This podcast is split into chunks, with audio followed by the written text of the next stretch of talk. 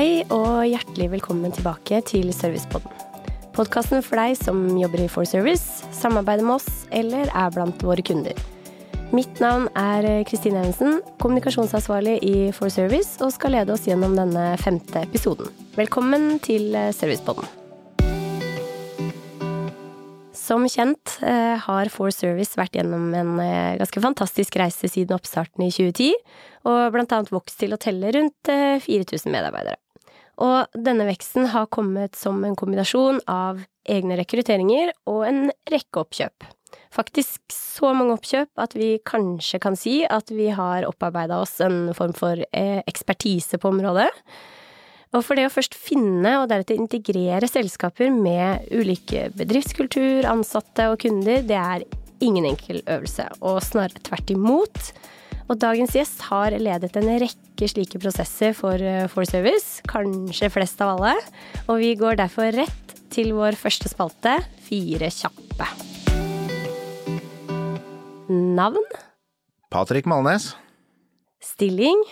Jeg er direktør for områdene cleaning og maintenance i For Service, og det inkluderer merkevarene som eier Eir renhold, eier Eir vedlikehold og Eir service og fartstid i For Service? Ja, jeg jobba faktisk i et selskap som ble kjøpt opp av For Service i januar 2017. Så i For Service har jeg nå vært i litt over fem år. Og hva er det beste med jobben din? Utrolig mye gøy i jobben min, altså. Men jeg må vel si at uh, det, er mange ting man kan trekke fram. Men litt av det var jo med i innledningen din, altså det her med vekst. Jeg elsker vekst. Eh, og jeg elsker det å ha nye mål å, strekke meg etter, og det har vi i For Service. Hele tiden, hver eneste dag. Det høres ut som et uh, veldig godt utgangspunkt for en uh, spennende episode, Patrick. Og nå som vi har blitt litt bedre kjent med deg, så er det på tide å kaste oss inn i vårt andre faste innslag, som er dagens tema. Og dagens tema er jo da naturligvis oppkjøp, og enda viktigere hvordan vi faktisk skal lykkes med eh, sammenslåingen av ulike selskaper. Og jeg har selv eh, vært noen måneder i For Service nå, og møter stadig på nye kollegaer som har kommet inn i selskapet gjennom eksempel oppkjøp. Så vi starter der, eh, Patrick. Har det lenge vært en bevisst strategi for å lete etter oppkjøpskandidater, eller har det vært muligheter som bare har dukket opp underveis? Egentlig her så vil jeg bare begynne med å si det at uh, organisk vekst er det som hele tiden har vært uh, det viktigste for oss. Det skal vi aldri glemme. Uh, for jeg mener at ethvert selskap som ikke kan vokse på sitt eget produkt, de vil mislykkes etter hvert. Men, men over til spørsmålet ditt, Kristine. Svaret der er ja. ja, bra. Kan du fortelle litt mer om det, eller? Ja, eh, det jeg mener med det, det er jo at jo, vi har hatt en bevisst strategi på, på oppkjøp, og det har dukka opp uh, muligheter underveis. For som sagt så, så er jo oppkjøp en, en, veldig viktig del av vekststrategien vår. Og størrelse, det betyr mye i, i vår bransje. Det har mye å gjøre med den måten vi kan organisere oss på, eh, både geografisk og hvordan vi kan bruke ressurser internt. Og med den størrelsen vi har, så, så kommer mulighetene til, til, å satse. Vi kan satse på utvikling. Eh, vi kan satse på robotteknologi. Eh, vi kan satse på nye områder. Ting som vi ikke hadde muligheten til som, som et mindre selskap. Og uten oppkjøp så hadde vi ikke i dag vært i den posisjonen som vi er i i dag, der vi, vi, faktisk er markedsledende på så mange områder innen servicebransjen. Vi må huske på den reisen vi har hatt i For Service. Fra fire gründere, null i omsetning i 2010, til 4000 medarbeidere i dag. Ja, ganske utrolig reise, faktisk. Og vi har jo vokst veldig fort. Det har vi. Men uh, hvordan starter dere på en måte jakten på å finne riktige kandidater? Det, det gjøres på mange forskjellige måter. Uh, en del av gangene så er det jeg som, som ser et, etter et område vi kan bli, bli sterkere på, og så søker jeg etter noen selskaper som er knallgode på det som jeg ønsker å styrke vår kompetanse på. eh, sånn at vi kan være med på å videreutvikle det. Andre ganger så, så, er det geografisk. Jeg trenger en tilstedeværelse i et område, eller å styrke tilstedeværelsen i et område der jeg føler at vi er litt for svake. Noen ganger så er det selskaper som kontakter meg og, og ønsker å selge, og da vurderer jeg også om de passer inn hos oss. Mm. Her har kultur, geografi, altså den, den typen ting som, som har enormt mye å si. Vi har jo noen grunnregler hos oss i For Service. Det skal være gode selskaper. Vi, vi har ikke tid til å fikse noe som er dårlig. Eh, og kultur, de må passe inn sammen med oss. Om eh, magefølelsen min ikke har troa på det, så sier vi nei. Krasjer kulturen, så kommer ikke jeg til å lykkes.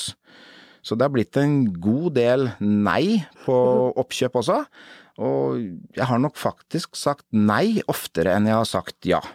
Men eh, hvor lang tid tar en sånn oppkjøpsprosess, egentlig? Det er veldig stor forskjell. Noen ganger så, så tar det en måned eller to. Andre gangen så går kanskje dialogen over, over år.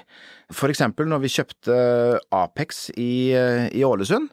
Eh, vi hadde vunnet noen kunder i området der, så, så vi lette etter et godt selskap i, i området som, som, kunne være med på å utvikle oss der, eh, og jeg snakka med flere, eh, blant annet Apex. Og jeg hadde god dialog med eieren der, men det passa ikke helt for dem akkurat da. Eh, så vi ble enige om å, å snakke sammen om noen måneder. Så tok det nesten et år før de ringte tilbake igjen til oss og, og ønska å gjenoppta dialogen. Eh, og derfra så tok det jo bare en, en måned eller to før, før, de var integrert hos oss. Ikke sant. Så noen ganger tar det lang tid, og noen ganger tar det kort tid. Opp og ned. Ja, ikke sant. Men hva skjer når, eh, når oppkjøpet på en måte er satt? Det er jo da den virkelige jobben begynner. Eh, vi skal jo smelte sammen med noen tidligere konkurrenter og, og få oss og de til å trekke mot de, de samme målene. Eh, og det er jo kanskje her mange bommer, eh, kanskje dette som er det vanskeligste. Så det vi tror på hos oss, da, det er jo tydelighet i forbindelse med et oppkjøp. Vi skal være tydelige på hva som kommer til å skje, hvilke endringer må man forvente. Vi kjører også på 100% sammenslåing innen 100 dager. Det er, det er målet vårt. Ja. Og det må til for at vi skal klare å skape en enhet det her er ting vi har bomma på tidligere, så, så vi har lært av, av, tidligere feil. Eh, vi har for eksempel sagt at eh, nei, det blir ingen endringer i forbindelse med et oppkjøp, men det gjør det jo. Mm. Eh, så, så, vær tydelig fra dag én. Og, og nummer to tror jeg på en måte har med dette med trygghet å gjøre. Altså, hva betyr dette for deg? Eh, som blir kjøpt opp, altså menneskene.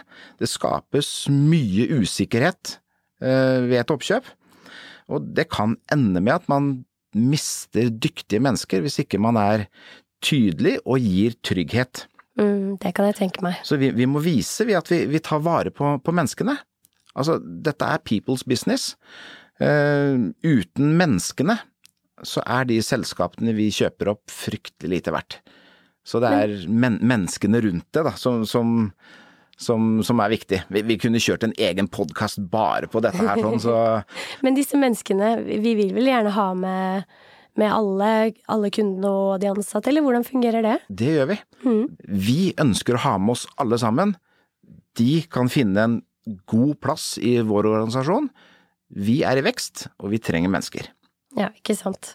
Men eh, det må vel være noen fallgruver også som man kanskje må passe seg for underveis i den prosessen her òg, eller? Åh, det er så mange.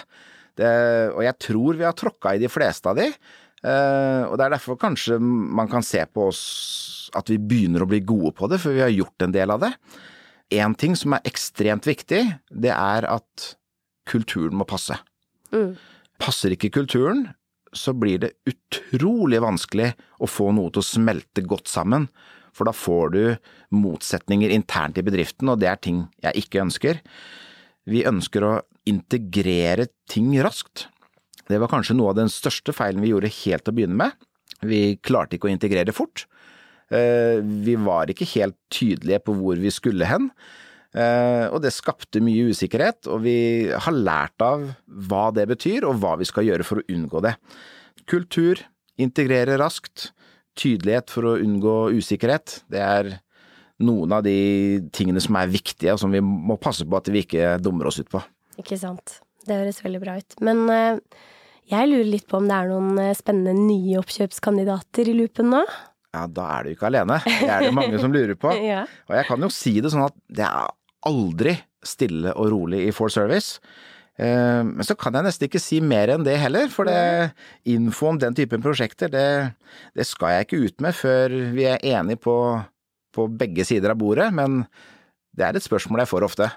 Ikke sant. Nei, vi får bare følge med, da. Det må dere gjøre. Ja. Nei, men uh, tusen takk, Patrick, for at du tok deg tid uh, til å komme hit til studio i dag og fortelle oss om hvordan vi i For Service lykkes med, med integrasjon av nye selskaper. Veldig spennende. Ja, tusen takk for meg. Bare hyggelig. Og takk til deg som har eh, lytta på oss i dag. Abonner gjerne på podkasten, og skulle du ha noen innspill eller spørsmål, så kan du sende det til eh, podkast at forservice.no, eller som direktemelding på Instagram-kontoen forserviceno. Dette er også den eh, siste episoden av Servicepodden før vi tar noen ukers sommerferie. Men vi kommer tilbake med rykende ferske episoder allerede i august. Så god sommer, og så høres vi snart igjen.